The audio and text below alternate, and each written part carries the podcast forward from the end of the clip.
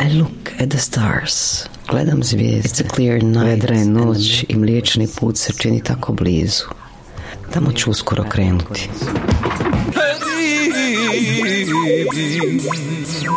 S kakvom je on samo mržnjom rekao da nas je trebao streljati. To je sad sve prošlost. Nečija prošlost, nečija sadašnjost, a i nečija budućnost. Poslala ga žena na pijacu da kupi ribu, a on se vratio kao fašista. Ne mogu da se sjetim ko je to rekao nekad davno prije drugog svjetskog rata kada je fašizam bio usponu možda Bertolt Brecht ili André Malraux. Nije ni bitno sad, oprostit će mi autor s druge strane obzora, bitna je poruka. Miru Furlan i Radeta Šerbeđiju čuli smo kratko na početku u pitanju je serija putovanja u Vučijak iz 86. godine prema drami Miroslava Krleže iz 1923. Oboje velikana jugoslovenskog glumišta otišli su u Ameriku pred najezdom nacionalističkog ludila 90. godina i pred ratovima koji su razorili na stotine hiljada života. Bila je suviše osjetljiva i teško je izlazila na kraj sa okrutnošću svijeta s kojim se vrlo često susrećala u svom životu. Kao takva ranjiva dočekala i tu katastrofu 1991. godine kada je taj svijet u kojem je ona živjela i za koji je radila i za publiku za koju je stvarala kao umjetnica svoju umjetnost odjedan put osvanuo i ogrezao u strašnim ratovima gdje su ljudi umirali, pogibali, napuštali zemlje svoje. I u tom haosu i užasu i sama je bila napadnuta od nekih ostrašćenih nacionalista u zemlju u kojoj je rođena i gdje je živjela. Prepoznali ste, to je rekao Šerbeđi u intervju nakon Mirine smrti koji možete u cijelosti čuti na slobodnaevropa.org. A onda neki dan šetajući gradom poželjela sam da čuje mišljenje građana zašto se dešavalo uoči i početkom ratova na ovim prostorima. Da su ljudi poput Mire Furlan bili izloženi takvim masovnim, simultanim medijskim i društvenim napadima opasnim po život. Zašto Mira? O tome su mi pored ostalog pričali građani Sarajeva, Zoran i Kornelija, kojima je bilo drago podijeliti svoje mišljenje o osobi koju su toliko voljeli. Osobe poput Mire Furlan tako nešto jednostavno moraju doživjeti u životu. Znate? Ona, ona je van formata. Ona nikome, nikome u takvom formatu nije, nije, nije, nije pogodovala. Ona je bila institucija za sebe. Jedna, jedna višeslojna osoba od rokera do, do, do, do ozbiljne gospođe i tako dalje i tako dalje. Ljudi su zavidni, sujetni i zlobni. Prema tome sve napretke i uspjehe teško podnose. A pravi ljudi to razumiju i podržavaju. A nažalost, svi smo onakvi kakvi jesmo, znate. Nisu svi dobri ljudi, nemaju svi veliko srce, nisu svi ljudi da podrže čovjeka da uspije, nego jednostavno traže načina da ga obezvrijedi, omalovaže, a ratovi su idealne prilike za to, nažalost. Nažalost. Mira prvo je imala ljepotu koju, jedna vrlo, vrlo prefinjena ljepota i, i, i, i jedna, jedna, kažem, višoslona ličnost, znate. To nije samo ljepotica, to je, to je prefina ličnost. Nek počina među zvijezdama zaslužila i bila je zvijezda i ostaćeš zvijezda. I za mene i za sav normalan svijet koji cijeni vrijednosti i vrline. Ovaj podcast posvećen Miri Furlan, preminuloj 20. januara od posljedica virusa koji prenosi komarac, virusa zapadnog Nila. Ironija ili života u jeku pandemije koronavirusa. Tragičarki onog vremena početka 90-ih zapravo jednoj od mnogih koji su se obrali naivno i nevino pred nacionalističko-fašističkom hajkom i ludilom, život je razbijen u paramparčad zbog tih snishodljivaca i malograđana koji su u zlu drugome vidjeli svoju šansu i nisu prezali pogaziti sve ljudsko u sebi. Tako su širom otvorili vrata najstrašnijem što se čovjeku može dogoditi. Nešto što ste mogli samo gledati na filmovima. Da niste nikad pomislili da ćete i vi to doživjeti. Šta vi ste, gdje ste vi? Ha? Ovo je rat, a ne snimanje film. Molim vas. Šta je rat? Kako da vam kažem, to je jedna potpuno vanredna situacija. Vrlo je teško objasniti. Morate se zatešiti. Ljudi se promijene, sve se promijeni. Znate, karakteri, e, ponašanje, e, ljudi se jednostavno deformišu, prilagode se toj deformisanoj situaciji, znate, i onda je vrlo teško to sad vama objasniti. E, vi bi morali biti u toj situaciji, pa da osjetite što ja da vam kažem. Sve se promijena. Pođi putem... Pa ne znam riječi. Eto. Kako da ih poštedim kad ne zna riječi? Glumila je glumicu u filmu Turneja Gorana Markovića iz 2008. godine, čija se radnja odvija 93. A mislim da neću sad prepričavati film za one koji nisu gledali. Pogledajte. Kukavica, nisam znala da si takva kukavica. Sa mnom spavaš, druga ti je nesanica. Čemu vode ratovi. Kroz istoriju niko nije ratom ništa dobio, izuzev što je došlo do gubitka i ljudskih života i materijalne štete i ostalo. Dakle, rat je za mene pošast od kojeg bi odvratila svaku osobu na zemaljskoj kugli, ukoliko bi uspjela i psihički i objašnjenjima da im to prezentiram. Zaista je grozno stanje. Bilo gdje i bilo kuda. Vjerujte. Posle toga sistemi jako teško profunkcionišu, strasti se uznemire, jako teško je uspostaviti među ljudima balans i povjerenje, kao što se i nama desilo, znate, ipak politike sve određuju. Mira koja je i sama govorila da je njen slučaj minoran u odnosu na sve strahote stradanja koje su se dešavale u ratovima 90-ih, zapravo je sinonim za sve ljude koji su se našli u djetinjem čudu i nevjerici pred transformacijom ljudskih bića. U njenom slučaju i bliskih osoba. U nešto ljigavo, gnusobno, mračno, zlo. Ti opasni ljudi koji su život ti uslovljavali po principu ili si s nama ili protiv nas. I pobjegla kao Eva iz krležinog vučjaka u sanjanu Ameriku. Ono preko, da. To je život.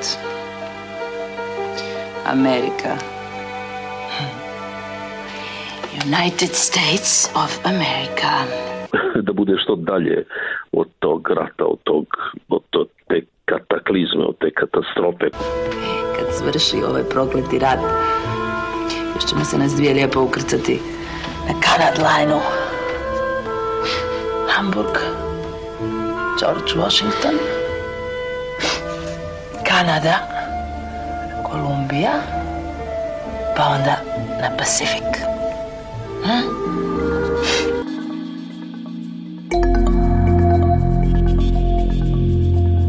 Boris Dežulović u svom tekstu Helena, žena koje nije bilo, hiruški precizno i uz slonovsko pamćenje daje gorak presjek jeftine i preopasne mitologije iz blata ljudskih bjednika koji ne trpe ništa drugačije kamoli bolje od sebe. U najkraćem iz njegovog teksta prenosimo šta je Miru tada dočekalo u njenom rodnom gradu. Miru je u Zagrebu dočekao grafit Četnička kurva na zidu kuće. Probušene gume na automobilu, pretnje smrću na telefonskoj sekretarici, otkaz na porti matičnog Hrvatskog narodnog kazališta, voštani pečat na vratima oduzetog bakinog stana i stroga službenica na zagrebačkom šalteru Jata, koja je postiđeno morala objašnjavati da kartu za Beograd kupuje jer između Zagreba i Beograda živi već četiri godine, jer je tamo muž, jer tamo igra predstavu na Bitefu. Želim zahvaliti svojim sugrađanima koji su se bezrezervno pridružili ovoj maloj, usputnoj i po svemu sudeći ne naročito značajno hajci na mene. Iako usputna, ona će ipak promijeniti i označiti cijeli moj život. Što je naravno posve nevažno u kontekstu svakodnevnih smrti, uništavanja, razaranja i stravičnih zlodjela u kojima se odvija naš život. Da li prepoznajete o kome se radi? Pa prepoznajem sad, ne, post festum. E, Radi se očigledno o Miri Furlan. A u, on, u ono vrijeme, ne, to je meni prohoro prošlo ispod radara. Ne. Iz cijele, iz cijele užasne, užasne situacije u kojoj smo bili, jednostavno mi je to promaklo. Znao sam, ne, uglavnom što se događa s njom, ali, bože moj, ne, tako su bila divlja vremena. Danas drugačije gledam na to, ne, danas kad se nakon njezine smrti su se stvari počele ovako objavljivati i otvorila se jedna odvratna jeziva jama, ne, u kojoj se cijela ta stvar odvijala. I meni je stvarno ovaj, teško i neugodno mi je uopće to pratiti. Tako, ali to je tak, ne, radi se o tome da je od početka cijela ta situacija smrdila. Ne.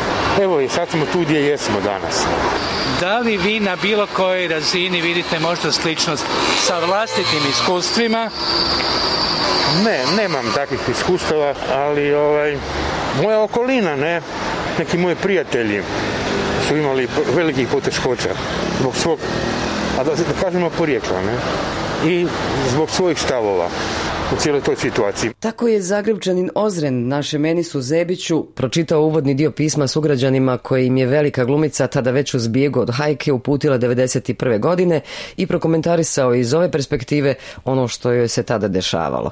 Iz svog otrovnog pera pucali su režimski mediji u Miru Furlan. Iz intervjua Nedeljom u dva kod Aleksandra Stankovića 2008. godine, evo kratko kako je to doživjela. To je tada, u to vrijeme, mislim, zato to, to, to to je bitna stvar koju, koju treba reći. U to vrijeme je to zapravo bio poziv na linč, e, ništa manje. Mislim, ništa više, ali ni ništa manje. A, mislim, to su bile prijeteće poruke stravičnog sadržaja i tako dalje i tako dalje. To nije bilo nimalo duhovito, niti lakog tipa, lakog žanra. A, to nije bilo tako tračarenje preko kojeg se pređe. To je bilo, mislim, tu je bilo ovo, moja adresa je bila objavljena u novinama i tako dalje i tako dalje. To je bilo jako opasno. A, znači, ljudi su se bavili svjesno opasnim radom Opasnim radom bavio se autor Globusovog feljtona novinar Rene Bakalović, a prvi od tri teksta nosio je naziv Težak život lake žene. Tragovi onoga što je napisao o Miri Furlan i danas se mogu pronaći na internetu. Eho tih tekstova pratili su glumicu do kraja, ali ni Bakaloviću ne daju mira. Vidim to na Facebook stranici na kojoj Bakalović promoviše svoje današnja interesovanja, hrano i vina. Pa mu se desilo, kao što je 11. februara, da na poruku imali bolje od tople prigorske juhe od gljiva te sliku iste u komentarima postave jednostavni upitni pogled Mire Furlan iz serije Babylon 5. No, da danas nije ponosan na neslavnu epizodu, Bakalović je iznio u istoj emisiji, čija je gošća bila Mira, nedeljom u dva, HRT-a. Mučno mi prisjeća se, nažalost, ono što je sasvim izvjesno da sam ja bio autor, to se dobro sjećam. Dobro se sjećam da je bio i iz početka najviše informacije je dao Vladimir Stojsavljević, Vaki, dakle kazališni autor, čovjek iz kazališta koji je po toj liniji dobro poznavao miru. I e, oprema i redakture sve to su bile e, kako smo to tad zvali zajedničke redakcijske nekak se to službeno veli u redakciji koje sjećam se da je tada bio Denis Kuljiš nije bilo potrebe za izmišljanjem faktografije za ovaj podcast željeli smo razgovarati sa Bakalovićem, njegova saradnica je preuzela poruku, ali uzvratni poziv nismo dobili. To i nije šteta.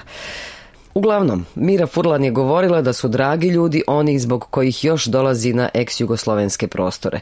Visoko je cijenila vrijednost dugih i starih prijateljstava. Udružena sa kolegom Milošem Teodorovićem listali smo tako koga bismo od njih mogli pozvati. Molim. Lejla. Molim. Miloš pored telefona. Oto si na ovome, gdje sam? E pa zovem te, kako se zove sa ovog fiksnog telefona. Čuj, snimio sam upravo Herceg. Dobro. Jako lepo priča. I ličnu dimenziju ima i ovo kao pogled na miru uh, politički. Hrvatska aha, onda aha, danas super. i tako. Mislim da je to zapravo ispiranje savjesti, recimo to tako, naknadna pamet i to sve skupa. Jer postoji jedan detalj, e, ljudi se jesu javljali na društvenim mrežama i u Hrvatskoj, u ne znam, e, novinari u medijima i tako dalje. To je doduše jedna nova generacija koja, novinara koja i nema puno veze sa, odnosno nema uopće veze s njenim slučajem, ali je zanimljivo da se oni koji su se trebali javiti zapravo nisu javili. Dakle, ovdje je bio veliki problem novinarima naći e, sugovornika iz njene branše, dakle iz njene generacije. Tu se nije javio nitko od glumaca, tu se raubovalo stalno režisera jednog jedinog e, Rajka Grlića, jer zapravo niko, niko drugi očito nije imao potrebu da nešto kaže, dakle od ljudi koji su na ovaj ili na onaj način sudjelovali u toj hajci. Pa ali kada govorimo o branši, imamo na primjer Ivicu Buljana, ravnatelja drame u Hrvatskom narodnom kazalištu, koji je otvoreno rekao da ga je stid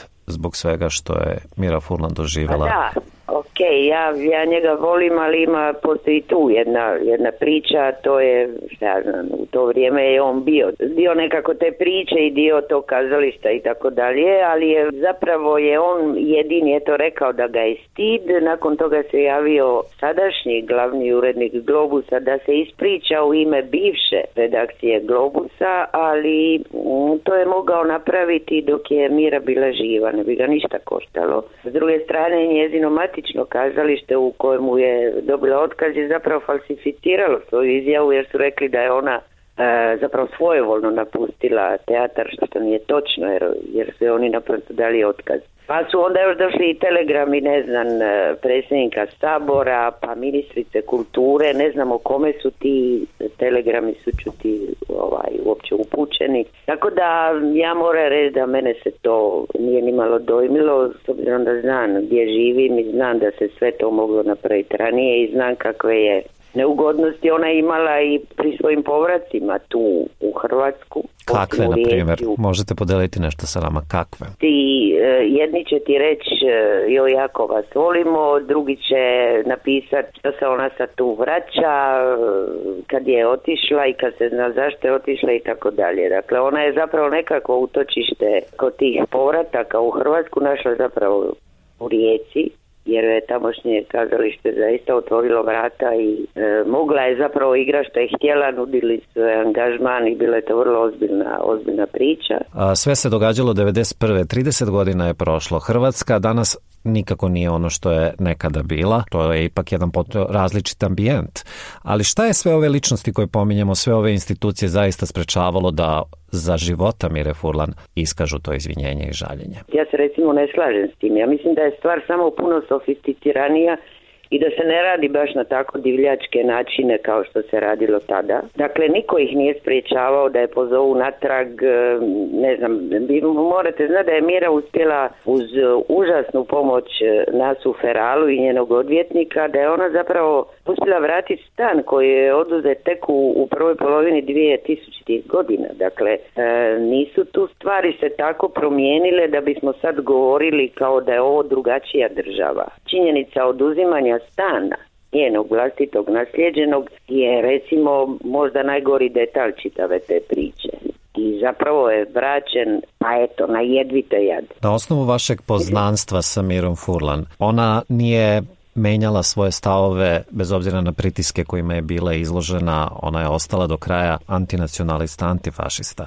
Koji je vaš utisak? Šta je nju formiralo u tom smislu? Da li sve ono što je radila, ona je imala iza sebe i filmove koji su bili i serije koji su imali snažan antifašistički narativ. Ja se, na primjer, sećam Nepokorenog rada, gde ona glumi mladu antifašistkinju u Zagrebu, jedna teška uloga u jednoj mračnoj atmosferi, ili je nju više formiralo to njeno teško lično iskustvo? Kao i mi, njeni prijatelji, dakle, dijelom je to proizašlo iz e, njenog kućnog odgoja, iz jedne ogromne količine knjiga i jednog obrazovanja. Dijelom je bila i, i njena veza s njenim sadašnjim i jedinim mužem. Tako da mislim to je bilo naprosto u njoj ukorijenjeno taj e, otpor prema nacionalizmu, otpor prema uopće kasnije u Americi njen tihi intimni otpor prema rasizmu američkom, prema bilo kojem obliku e, mržnje, ksenofobije i tako dalje. Ona imala samo jedan naivan po mom uvjerenju iz naših razgovora e, naivan stav, a to je da kao da umjetnost je iznad svega onoga što se događa dole u prizemlju. To je jedan fantastičan stav, međutim taj stav da umjetnost u takvim vremenima nešto mijenja, to iz iskustva i ranijih znamo da, to zapravo nije točno. Tako je to priča Heni Erceg, urednica i novinarka, jedna od onih koji su stvarali taj hrabri satiričko-politički tjednik Feral Tribune i jedna od onih prijatelja zbog kojih se Mira vraćala u svoju domovinu. Šta je tako uznemirilo javnost bivše Jugoslavije nakon smrti Mire Furlan? Zašto je toliko ljudi imalo potrebu da na mrežama i u medijima podijeli osjećanja? Šta smo u njenoj priči prepoznali? Oživjelo je to njeno pismo sugrađanima koje je uputila iste godine kada je Beograđanka Maja s kojom je razgovarala naša Nevena Bogdanović rođena. Ovim putem želim zahvaliti svojim sugrađanima koji su se bezrazredno pridružili ovoj malo i usputno i po svemu sudeći ne naročito značajnoj hajci na mene. Iako usputna, ona će ipak promeniti i označiti cijeli moj život.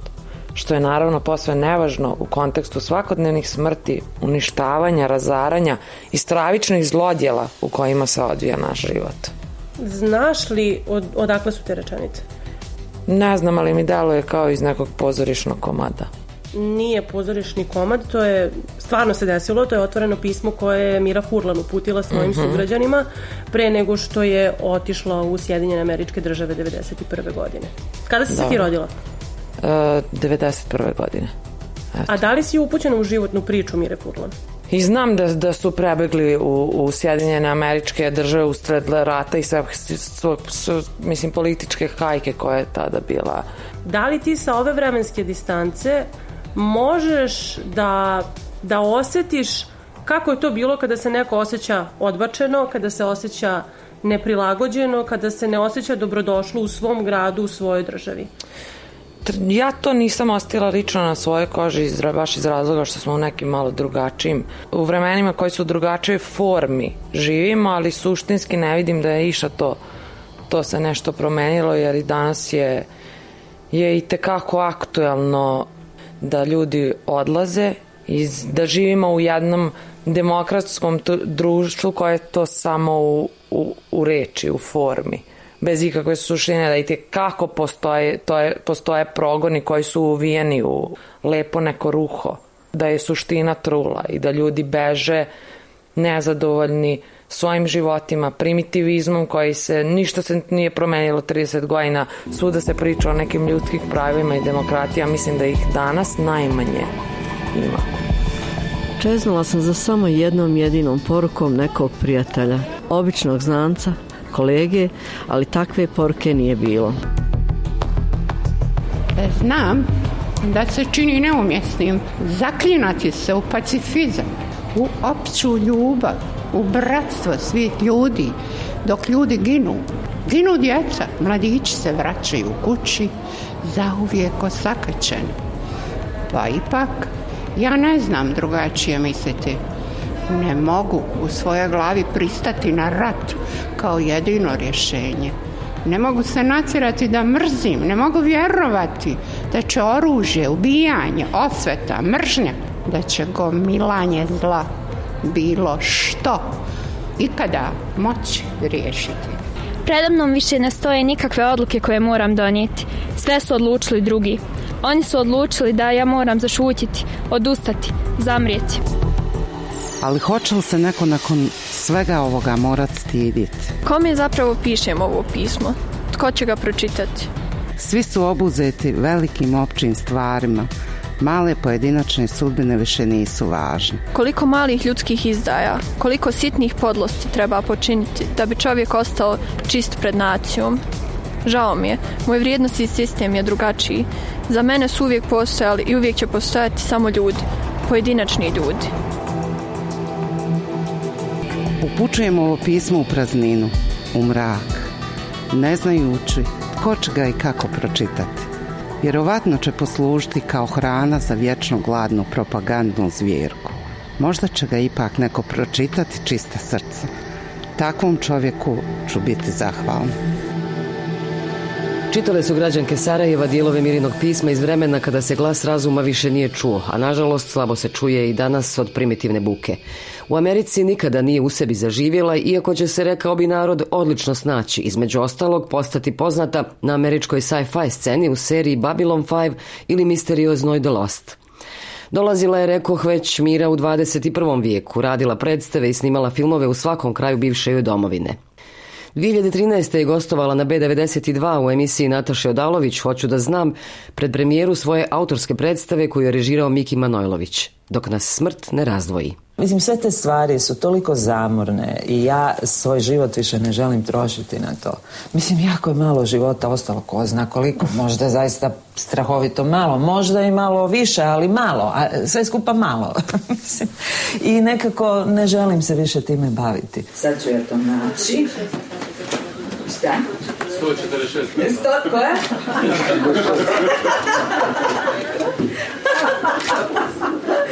ok, 146. I zvonki smijeh Mire Furlan koji odjekuje s neke od bezbroj zvijezda, kao što još uvijek čujemo zvonki smijeh malog princa. Nju je tamo poslao ubod komarca, njega ujed zmije. Banalnost koja možda ima i neki dublji smisao, možda i nema. U malo čas spomenutoj 146. stranici je živjela zadnjih 30 godina. Na toj stranici je dio emigrantima u knjizi Mire Furlan Totalna rasprodaja u kojoj je objedinila kolumne pisane za davno ugušeni feral. Tu knjigu je objavila prije deseta godina u Beogradu, a promociju u Rijeci imala je 2016. kada je na zahtjev publike pročitala dio o emigrantima. Jedan se guši od posla, jedan se nekako snalazi, jedan čezne za povratkom, drugi kaže nikad više, jedna ima rak, druga radi jogu svaki dan i tvrdi da je to spašava, treća ima mladog ljubavnika i tvrdi da je to spašava, četvrta ima malo dijete u 45. godini i tvrdi da je to spašava, jedna se upravo rastala i tvrdi da ju je upravo to spasila. Jedan redovno puca iz pištolja, jedan skija, drugi surfa, treći već 15 godina piše roman o vlastitom životu, jedna mahnito piše liste svih budućih projekata koje nikako da započne, jedan je u glavi već snimio 10 filmova pa mu se nekako više ne da truditi oko toga da ih snimi na filmsku traku. Jedan je bio profesor, sad je konobar. Jedna je bila glumica, sad je sekretarica. Jedan je bio snimatelj, sad je učitelj. Jedan je bio nitko i ništa, sad je multimilioner. Jedan je bio režiser, sad proizvodi vina. Jedna je bila kurva, sad je bogata udovica. Jedna je bila frizerka, sad je frizerka. Jedan je bio sretan, sad je očajan. Jedan je bio očajan, sad je indiferentan. Jedna je bila mlada i lijepa, sad je stara i umorna. Jedan je postao lama i živi na Tibetu. Jedan je prelazio cestu pa ga pogazio auto. Jedna je nešto pisala pa je onda prestala. Jedna je nešto glumila pa se umorila. Jedan je nešto govorio, pa jednoga dana zamuknuo. Taj već godinama šuti i samo se smiješi. Možda on jedini nešto zna.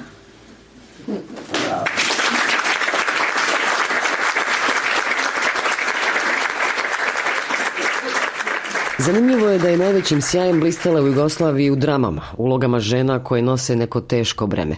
Čak i u filmovima u kojima su joj pripisivali erotiku, uloge su koje se mogu opisivati koje kako, samo ne srećom, kao što je na primjer lepota porok. Što me ne pitaš kako mi je?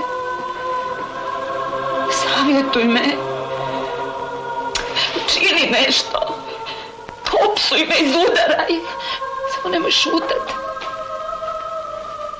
pa sve do sci-fi zvijezde u Americi gdje je prema njenim riječima stalno bilo u kontaktu sa publikom, fanovima ovog filmskog žanra. We are star Mi smo zvijezdana tvar. Mi smo svemir koji se manifestuje pokušavajući da odgonetne sebe. I kao što smo oboje naučili, ponekad svemir zahtjeva promjenu perspektive. Gdje god da smo, pravo je mjesto i pravo vrijeme. Insert je to iz sci-fi hit serije Babylon 5, a Furlan je glumila u svih pet sezona od 94. do 98. godine, nakon čega je rodila sina jedinca Marka Lava i objavila album pod naslovom Songs from Movies That Have Never Been Made. Pjesme iz filmova koji nikada nisu nastali. Insert jedne od njih, The Sea, more, upravo slušamo.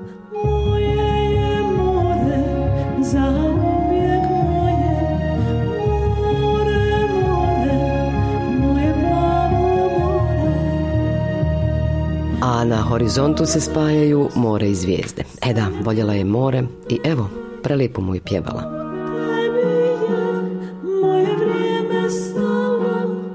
Izranjam iz tog mora i riječ dajem kolegi Milošu i Mirinoj bliskoj prijateljici Heni Erceg, kojoj je posebno hvala što je s nama podijelila svoje stavove i tugu.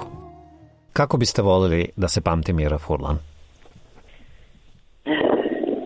Joj, teško mi je to ja ću je pamtit kao jednu od svoje dvije najbolje prijateljice. Pamtit ću je kao fantastičnu jednu osobu kao tvrdoglavu, upornu, obrazovanu, što nikako nije nebitno, jer kako, kako će pamtit, mislim da je neće dugo pamtit. Na ovim se prostorima ne pamti dugo.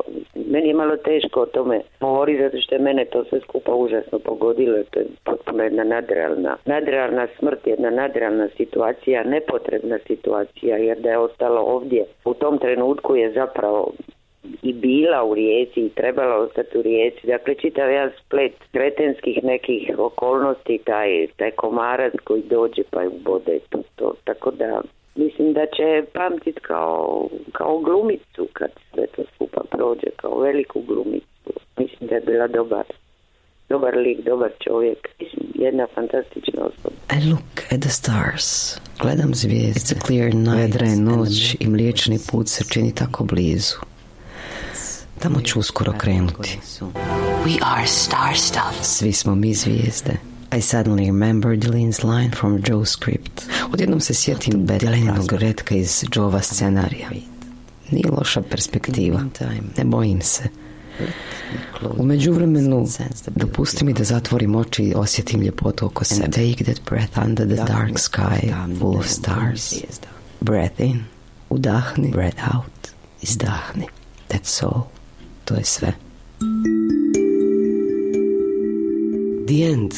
To što smo sada čuli, zadnji post objavljen na Twitteru Mire Furlan, a za koji je potvrđeno, piše BBC, da je preuzet iz autobiografije na kojoj je radila.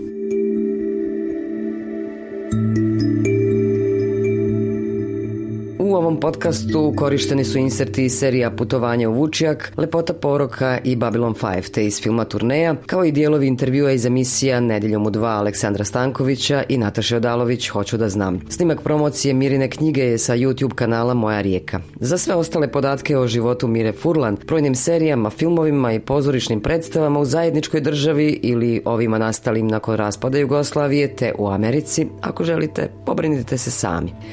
Bio je to podcast Radija Slobodna Evropa između redova o jednoj od najvećih glumica ovih i onih prostora. Miri Furlan posvetili Miloš Teodorović i Lejla Omeragić-Ćatić.